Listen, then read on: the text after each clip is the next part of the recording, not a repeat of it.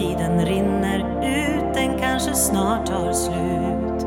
Och jag vet att det vi bygger upp nu, det blir en dag det våra barn ska ha.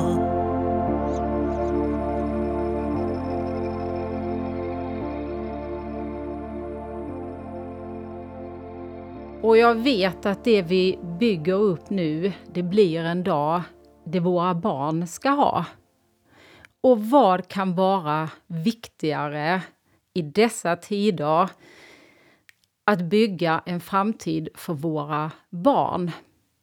Varmt, varmt välkomna till höstens första avsnitt utav podden Skicka vidare positiva saker för en lite bättre värld att leva i nu och för kommande generationer. Och här sitter jag i min poddstudio på mitt kontor i Ulricehamn och det är så många saker som jag vill prata om. Saker som jag tycker har varit helt fantastiska under våren och sommaren och saker som jag tänker på inför framtiden med glädje, fast också en viss oro. Jag hoppas att er sommar har varit eh, underbar. Att eh, du har laddat batterierna, eh, fått energi, umgåtts med nära och kära och ser fram emot hösten med, ja, med energi och med glädje. Och där tänker jag så här att eh, min sommar har varit Eh, spännande på många olika sätt. Och just att jag säger min sommar, för i det här avsnittet så kommer jag att vara privat.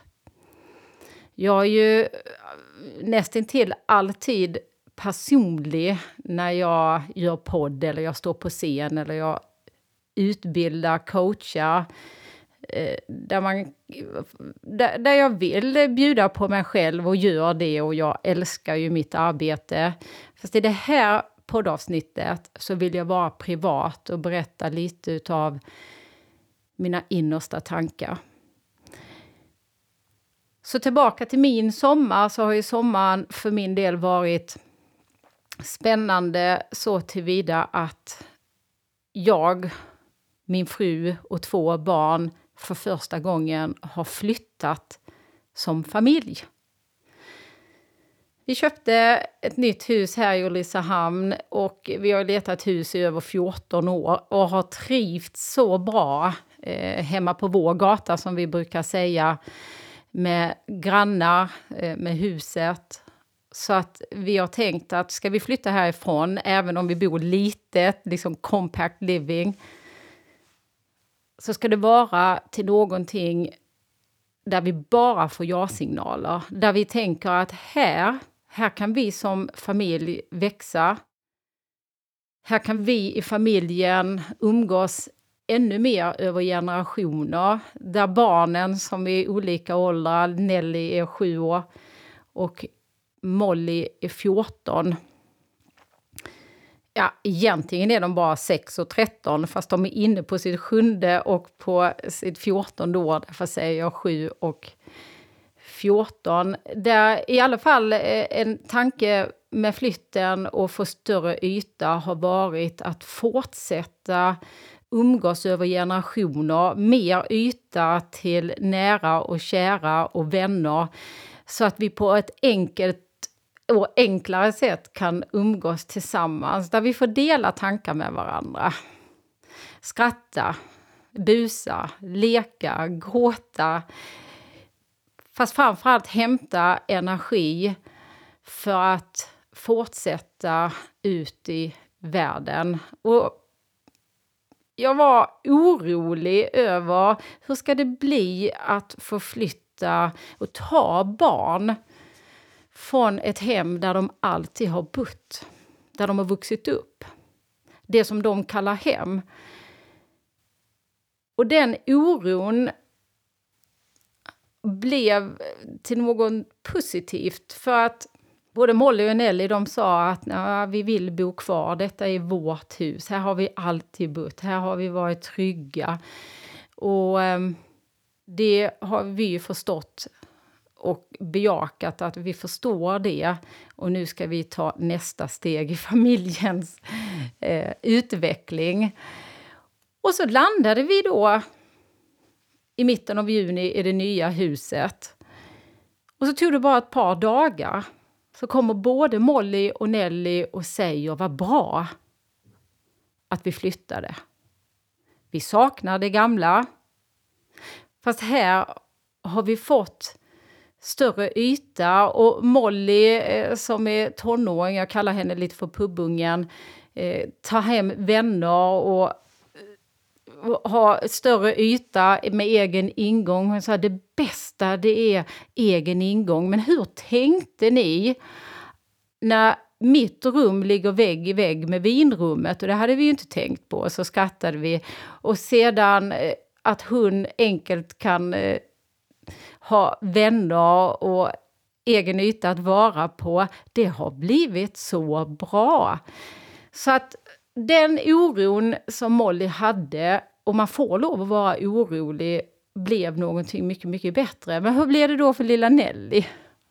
Ja, det var ju också intressant, för hon har så många gånger under sommaren sagt Mamma, även om jag älskade vårt gamla hus så älskar jag detta huset ännu mer. Och jag bara, varför då? Jo, för vi har ju en ismaskin på frysboxen är det en ismaskin. Och det är ju världens lyx. Och så tänker jag, ja, så anpassningsbara barn är. Där föräldrarna är, där föräldrarna skapar glädje, trygghet, goda tillstånd, där trivs barn. Så med fokus på goda tillstånd, energi och glädje och att umgås över generationer så har flytten blivit så mycket bättre än vi trodde.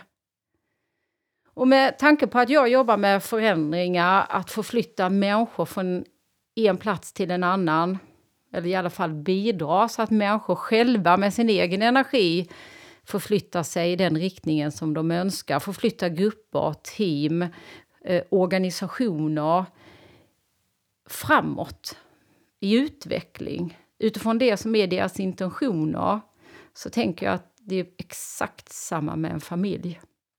Så jag är så glad över att det har blivit lyckat och att vi nu har landat eh, i en större yta med mer yta att umgås över generationer. Så ni som lyssnar, varmt välkomna hem till familjen Pettersson.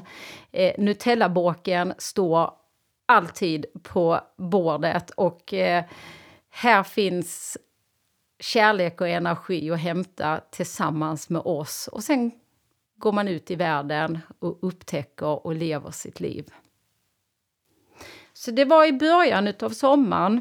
Och sedan har ju sommaren ja, fullt med aktiviteter. Allt ifrån eh, att spela kort och Monopol till grillkvällar till bada, sola.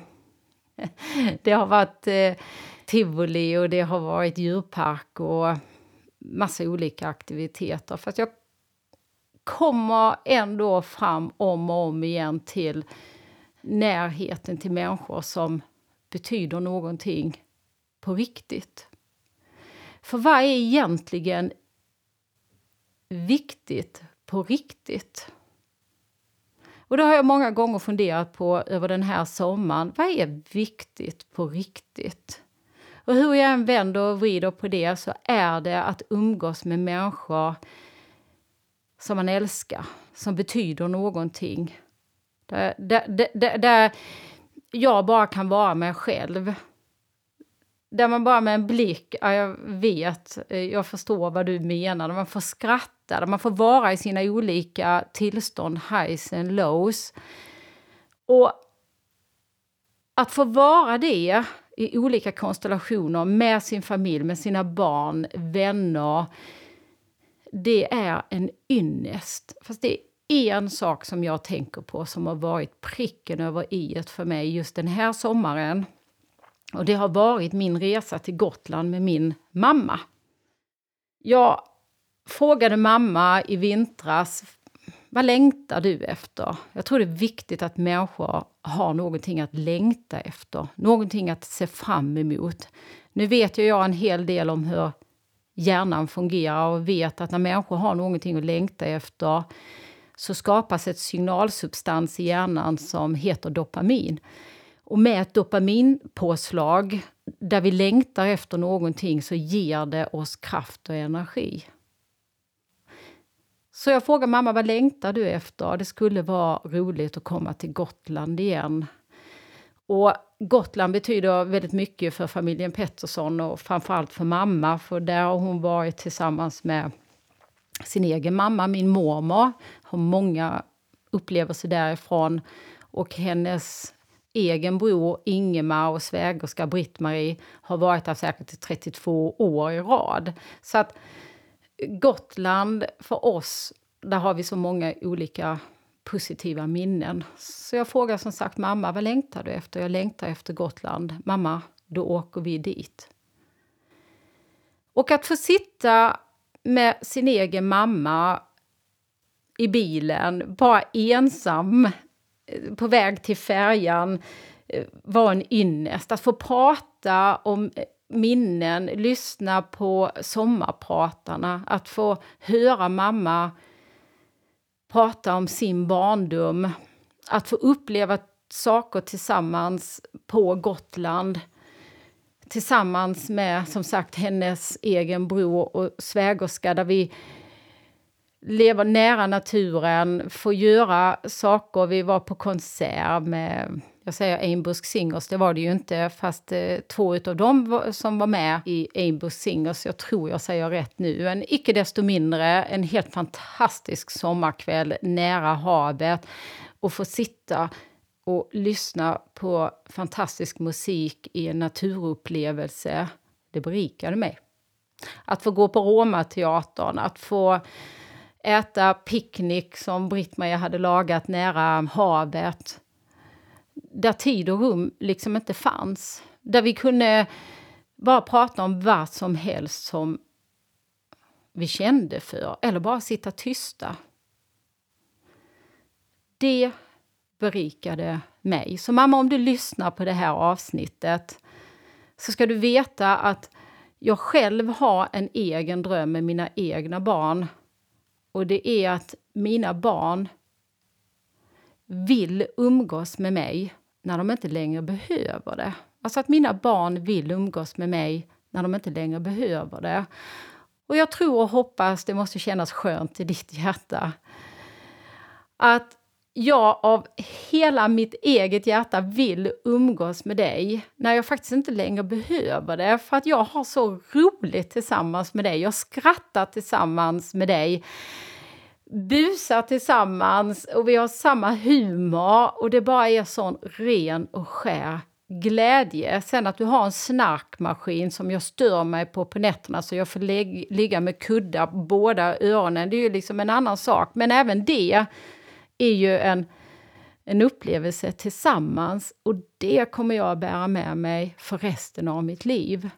Så ni som lyssnar och har föräldrar som fortfarande är vid liv, eller nära och kära som ni känner att de har jag inte träffat på länge, ta chansen. Gör det. Ta tiden. För att få tid tillsammans med dem som betyder mest av allt för en, det är en gåva.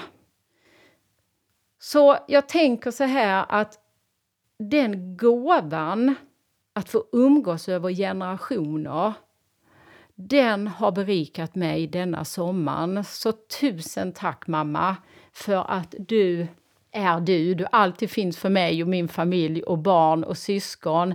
Men framför allt att du får mig att skratta så mycket. När jag frågar kan du berätta någonting om morbror Ingemar från barndomen? Ja, det var när han bet eh, Kikki, vem det nu var, sin vän i pannan. Och ja, sen bet han alla, när, om han ville ha en gunga bet han dem så att han fick den gungan så de hoppade av. Alltså sådana busiga, roliga saker. Mamma, du är fantastisk på att bryta mönster och göra så att jag får skratta bara rakt ut över saker som jag aldrig annars tänker på. Och det tar jag med mig från den här sommaren. Sen tänker jag så här nu sitter jag ju här mitt i livet, höll jag på att säga. Jag ser fram emot hösten, att jag blickar framåt. För dåtiden tar jag ju med mig som en kraft och energi och har laddat batterierna.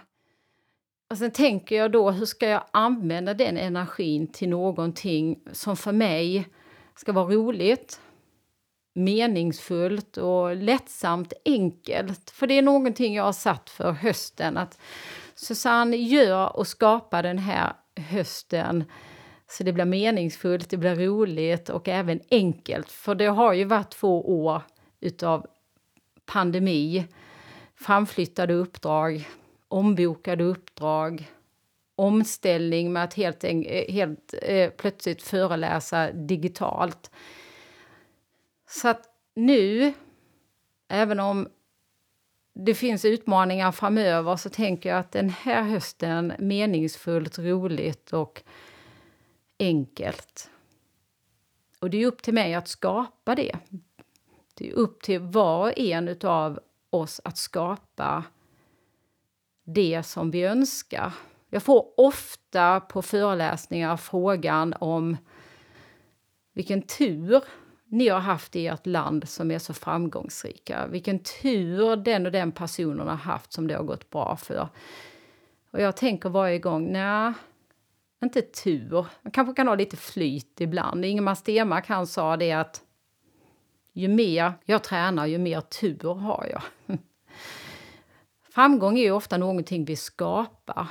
Och när jag tänker på framtiden framöver nu så är det både med glädje och med viss oro. Och innan jag delar mina tankar om det så tänkte jag att Ulrika Beijer ska få sjunga gingen Jag vill ha en tro på framtiden, för det är viktigt. Varsågod Ulrika. Jag vill så gärna ha en tro på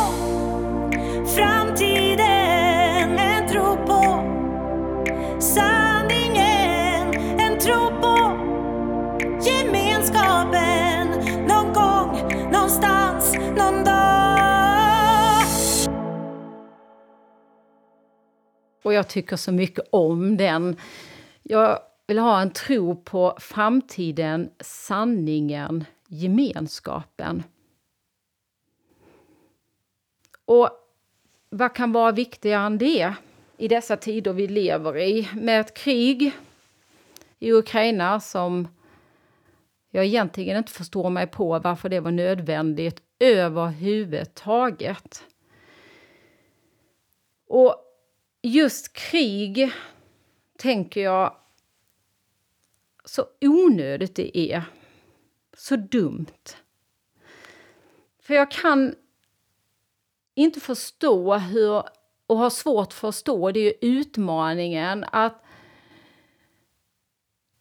om det finns länder, alltså det finns eh, hela världssamfundet efter andra världskriget eh, antog deklarationen av de mänskliga rättigheterna att faktiskt styra och driva sina respektive länder så att människor oavsett eh, religiös uppfattning, oavsett eh, etnicitet, eh, politisk eh, åsikt, eh, sexuell läggning ska få leva i frihet under de mänskliga rättigheterna så är det faktiskt väldigt svårt för mig att förstå hur de olika världsledarna medvetet kan driva sina länder mot diktatur helt tvärt emot de mänskliga rättigheterna och att de faktiskt tror att det är okej. Okay. Så den stora utmaningen för världen och för alla som leder ett land, det är ju att se till att människor med olika uppfattningar, åsikter, tankar, politisk åskådning, religiös uppfattning som sagt, etnicitet, eh, sexuell läggning, att man kan enas under sina respektive landsgränser. Och jag har svårt att förstå att man då ska gå in och störa det. Att man driver sina länder som sagt helt emot det och tycker dessutom att man, att man har rätt att göra det. Till skillnad från att förhandla, att se till att hur ska vi kunna enas så att vi fortfarande kan som, göra så mycket som möjligt att människor får leva i fred, trygghet och en, eh, en, med respekt för sitt eget jag. Och här tänker jag att världen går tillbaka.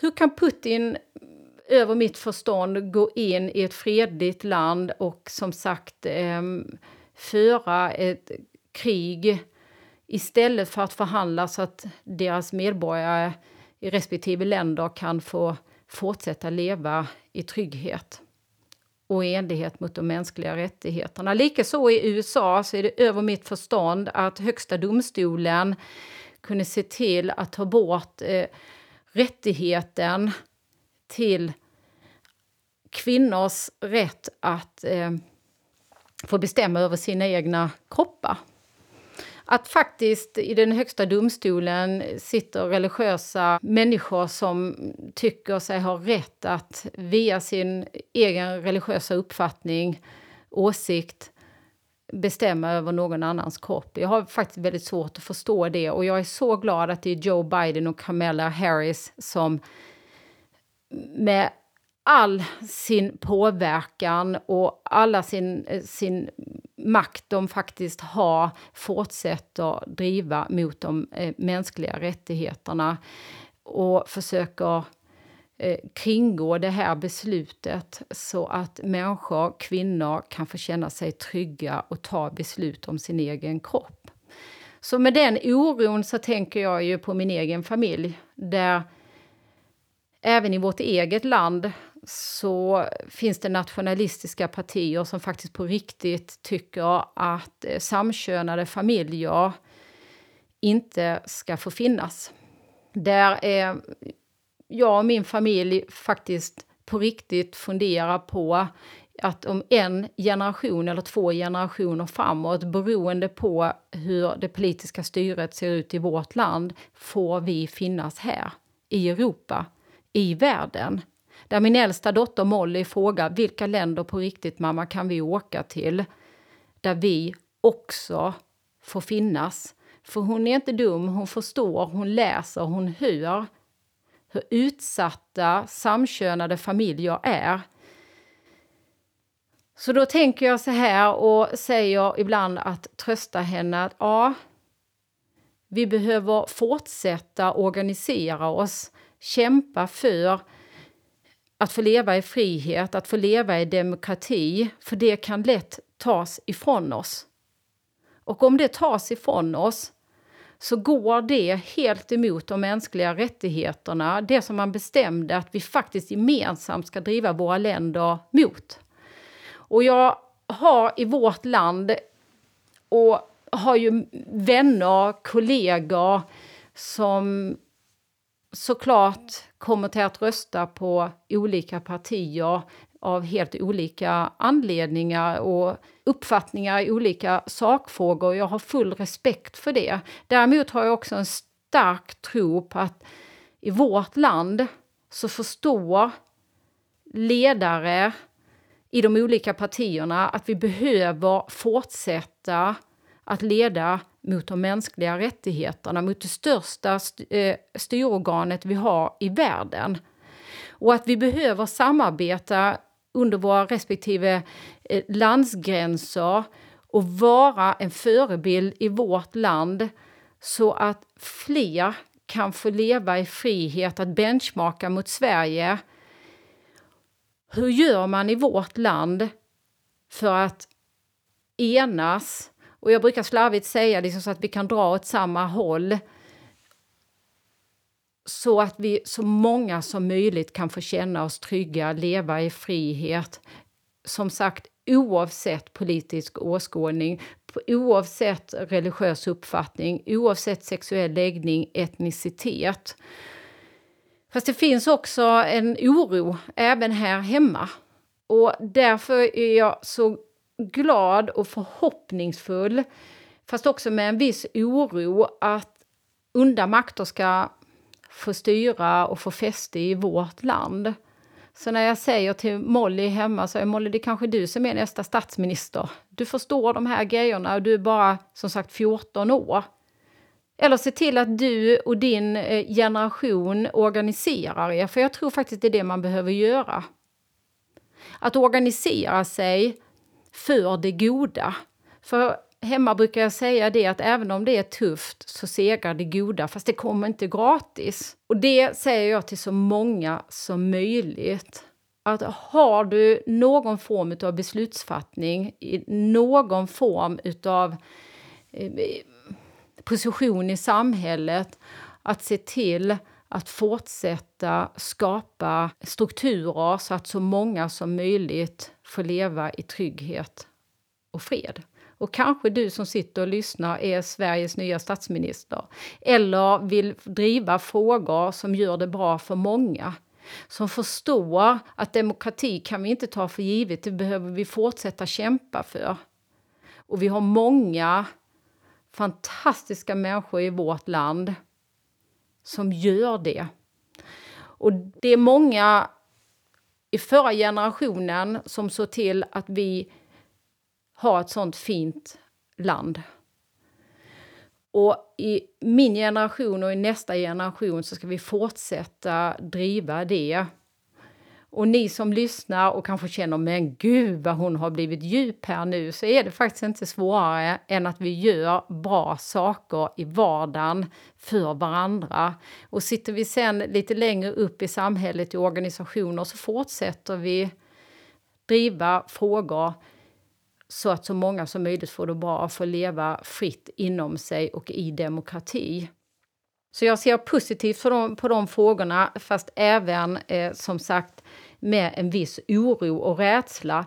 Fast det är ju helt okej att vara rädd. Det är helt okej att vara orolig. Det är helt okej att vara bekymrad. Frågan är hur man använder den kraften och den energin.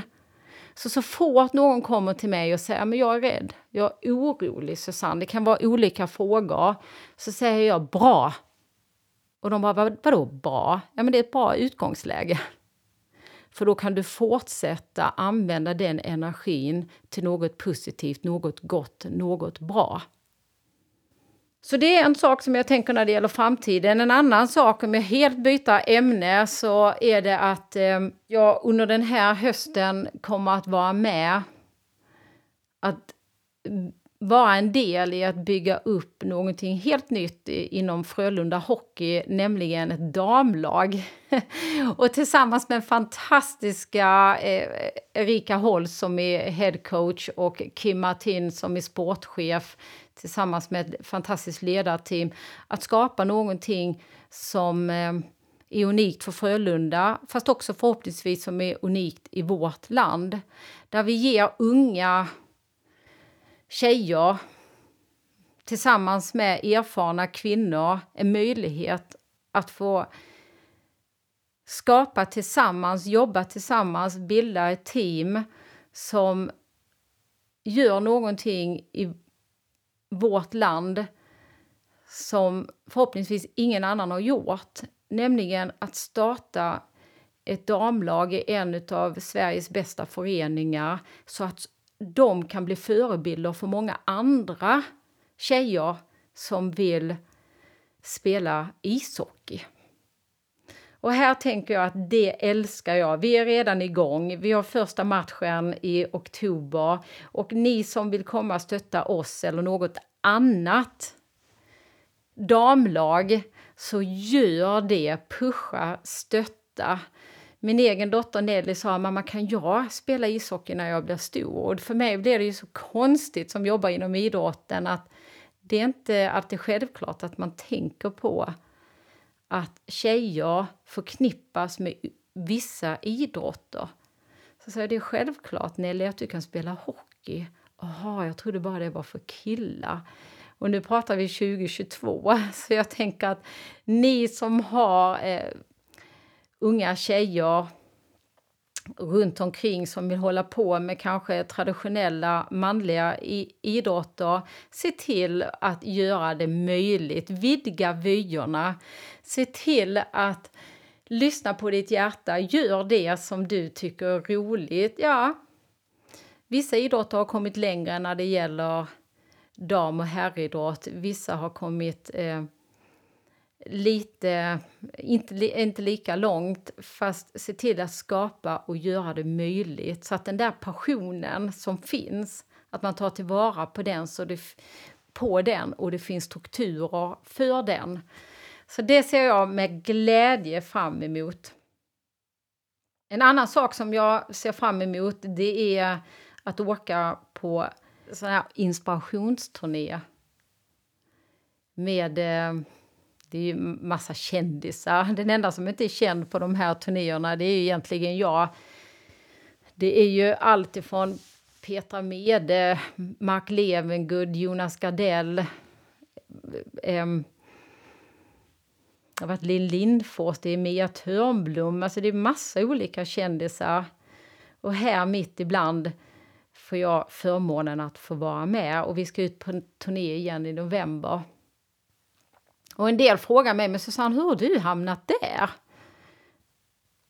Och det, bakgrunden till det, och jag ska sen komma till varför jag tycker att det är viktigt, det är att 2005 så kom en, en, kompis till mig, eller ringde en kompis till mig som heter Angelica Albertsson, bor i Stockholm, jobbar med events kallade henne Albert och sa du eh, Susanne 2006 kan du boka de här datumen, det var tio tillfällen och jag bara ja, och jag litar på henne så mycket så att det var ju bara att boka in. Fast jag frågade liksom inte vad det, vad det skulle vara till för ändamål. Och sen kommer hon och så säger hon, du eh, kan du skriva ner lite text vad du tycker om att prata om? Ja, men jag, då skrev jag, ja men att skapa vinnande tillstånd. Ta fram kraften inom dig. Ja, jättebra. Och sen sa hon, kan du skicka en bild? Och jag hade inga professionella bilder på den tiden så jag skickade en semesterbild. Det såg ut som FAN. För att det var ju verkligen ingen jättebra bild. Och sen helt plötsligt ringer hon i november, december 2005. Susanne, Susanne, goda nyheter, du har kommit med. Och jag bara, vad har jag kommit med på? Ja, men då har jag ju kommit med på en sån här turné, inspirationsturné. Jaha, så jag, vilka ska med på det? Ja, det är Lasse Berghagen, det är Peter Dalle, det är Mia Törnblom, det är Jonas Gardell, det är Mark Levengood och jag bara Wow, my God! Och så skrattar vi ju båda två. Och min syster, hon är ju fantastiskt rolig för hon sa du Susanne, alltså du får ju säga till arrangörerna att de kan inte sätta dig först. För är du första föredragshållaren så är det ju liksom ingen som kommer till att vara där i början och absolut inte sist för då går alla och hämtar sina barn på förskolorna. Så att jag bara tack för det stödet och så skrattar jag.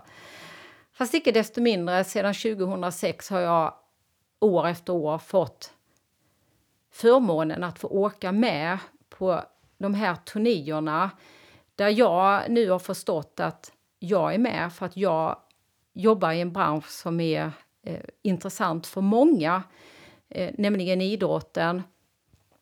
Och sedan är det ju oftast kändisar som pratar om olika frågor från sitt eget liv eller frågor som de tycker är viktiga. Och det som, det som jag kommer att tänka på, det brukar vara i maj och november eh, varje år. Och i maj så var jag också ute på en sån här liten turné och lär ju mig jättemycket bakom kulisserna när vi sitter och pratar och förstår vilket djup de här människorna har. Som är så mycket i, i offentligheten, precis egentligen som en elitidrottare fast i offentligheten här hemma och hur de brinner för olika frågor för att göra det bättre för människor. Så jag tänker att cirkeln den sluts samman. Det spelar liksom ingen roll vilken bransch vi är i, om det är näringslivet eller det är kulturen eller det är idrotten eller det är organisation eller världsledare. Vi vill tillsammans bidra så att det blir bättre för många. Och en som jag träffade på i Umeå som jag skrattar åt det är, och också inspireras av det är Alexandra Pascalido. Och bara hon är ju ett energiknippe. Jag vet inte om ni har sett henne eller mött henne i olika sammanhang. Hon är helt fantastisk på att fånga publiken och berätta utifrån hennes bakgrund hur hon kom till Sverige för att hennes föräldrar ville att hon skulle få det bättre. Och hur hon har blivit här i Sverige en symbol för allas lika värde oavsett eh, kön, eh, religion och brinner ju för eh, människorättsfrågor. Men också hur rolig hon är. Alltså hon har ju vunnit det ena priset efter det andra för att hon driver samhällsfrågor framåt, för att göra det bra för mm, många människor, framförallt kvinnor. Fast också Alltså, när man specialiserar sig inom olika frågor för att göra det bra för många, fast också liksom hur roliga de här människorna är. Och tillbaka till Alexandra Pascalidou så står jag på scenen när hon kommer. Hon skulle prata efter mig. Och när man står på scenen och har strålkastarljuset på sig så är det nästan svart framåt. Fast på sidorna, eh, höger och vänster vid kulisserna, så är det oftast en lampa och där kan man ju se ljud och ljustekniker. Och när jag stod på scenen så tittade jag åt ena sidan. Då satt Alexandra och vinkade på mig. Och det betyder väldigt mycket att få stöd från kollegor när man står där på scenen. Så hon bara vinkade på mig. Jag satt och lyssnade på mitt föredrag. Och sen kommer, eh, efter mitt föredrag, så kom eh, moderator, presentatör, Ann, fantastiska Ann Westin ut och en en, en, jag tror inte man förstår moderators roll för att man kanske har två minuter på sig att tacka av den som precis har varit på scenen och göra det med ära och hylla den som står på scenen. Sen har man kanske en, en och en halv minut på sig att bryta mönstret, att byta ram och fånga publiken, hämta hem publiken. Nu är vi här igen. Och sen en minut, 30 sekunder på sig att ära och presentera nästa föredragshållare. Och vi har jättemånga helt fantastiska presentatörer, eh, moderatorer i vårt land och Ann Westin tycker jag är helt fantastisk på att göra detta. Så avgår jag och, jag, eh, och hon står och kramar om och applåderar och jag vinkar åt publiken. Och sen säger hon några roliga saker och hon är som sagt bara helt fantastisk. Och sen presenterade hon Alexandra och då stod jag kvar bakom kulisserna. Och så ser jag att hon har inte knäppt klänningen. Hon hade en sån här riktig liksom Betty Boop-klänning. Och så tänkte jag, men gud, hur ska jag kunna få kontakt med henne? Så att hon drar upp dragkedjan ända upp. Liksom. Den var från midjan öppen som ett V mot axlarna. Hon, jag försökte få kontakt med henne, hon fortsatte prata, hon presenterade sig, hon fångade publiken. Så jag stod kvar och lyssnade och tänkte att snart får jag tillfälle att säga till henne, du, ska jag hjälpa dig att dra upp dragkedjan? Och så gick tiden och det gavs inget tillfälle. Hon ägde scenen, men det jag noterade det var att hon så strategiskt förflyttade sig så hon vände aldrig ryggen mot publiken. Så då började jag tänka, men det här kanske är medvetet. Hon kanske medvetet har tagit på sig en, en, en för liten klänning som hon då tycker är snygg väl medveten om att hon kan inte knäppa den i ryggen, fast det, det brydde inte hon sig om, utan hon fortsatte prata så tänkte jag, men det är nog så. Och sen när hon hade pratat klart och Ann gick och ut på scenen för att tacka av henne och applåder, då går hon som en krabba liksom in i kulisserna. Så hon vände som sagt aldrig ryggen till. Och sen efteråt, jag kramade om henne, jag skrattade, jag sa du är grym, du pratar om viktiga frågor. Och du är dessutom rolig när du gör det och vi ger varandra feedback där bakom scenen. Så sa jag, fråga gällande din klänning. Och hon bara, ja visst är den. Ser såg du att den var för liten? Jag kan inte knäppa den där bak. Och jag skrattade, ja. Fast det visste ju inte publiken för jag vände aldrig ryggen till. Och jag bara, nej. Vad skicklig du är! Ja, jag bara tycker den här var så snygg. Sen åkte hon iväg, tog en kofta, åkte till Umeå flygplats. Vi åkte taxi till, tillsammans och så. Det var ingen som såg att klänningen inte gick att knäppa. Och jag bara tänker, ja, så mycket, alltså, så mycket kärlek, så mycket energi. Och så säger hon bara den här klänningen är min favorit. Och jag, ja, några kilo extra så kan jag inte knäppa den. Fast det är ingen som märker det för jag gör det så bra. Och jag bara, ja, du är en riktig stjärna. Och sen blev jag så full i skratt när, när det gällde henne också för att jag sa att en hel dag i Umeå ska du återhämta dig imorgon. För när man ger så mycket energi så är återhämtning väldigt viktig.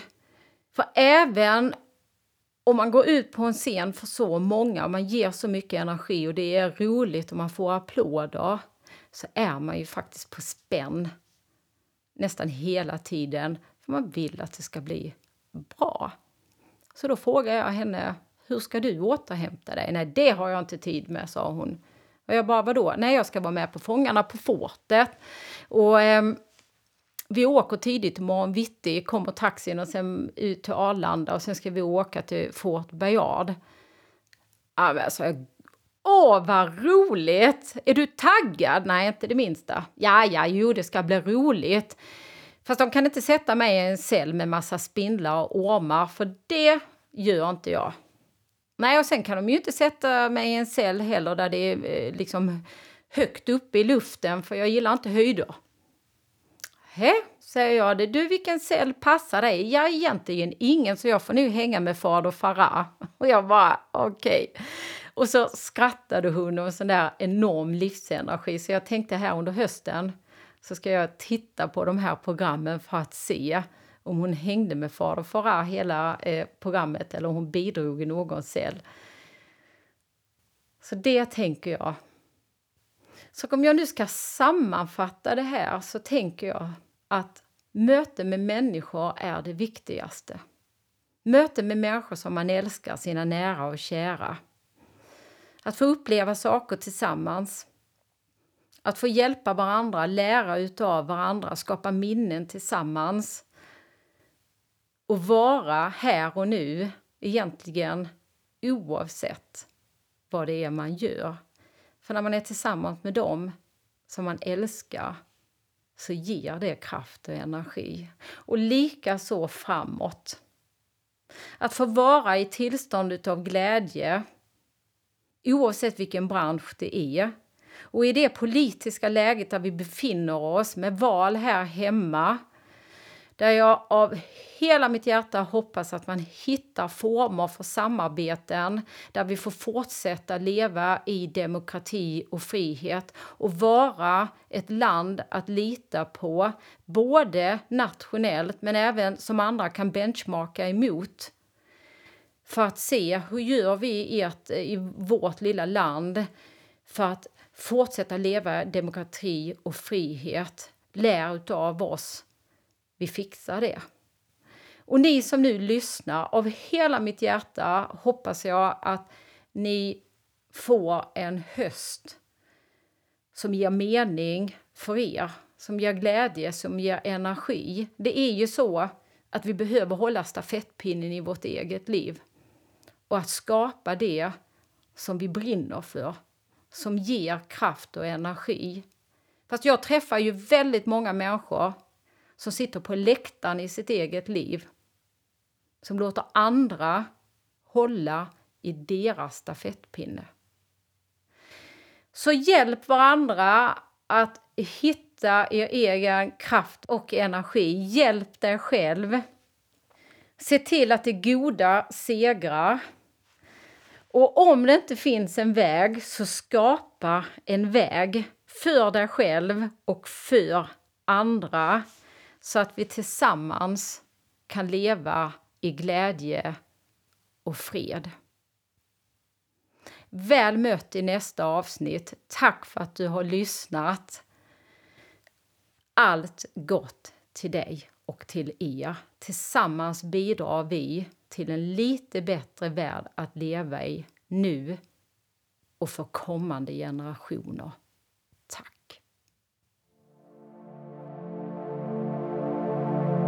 Det är dags att börja tänka om för tiden rinner ut, den kanske snart tar slut. Och jag vet att det vi bygger upp nu, det blir en dag det våra barn ska ha.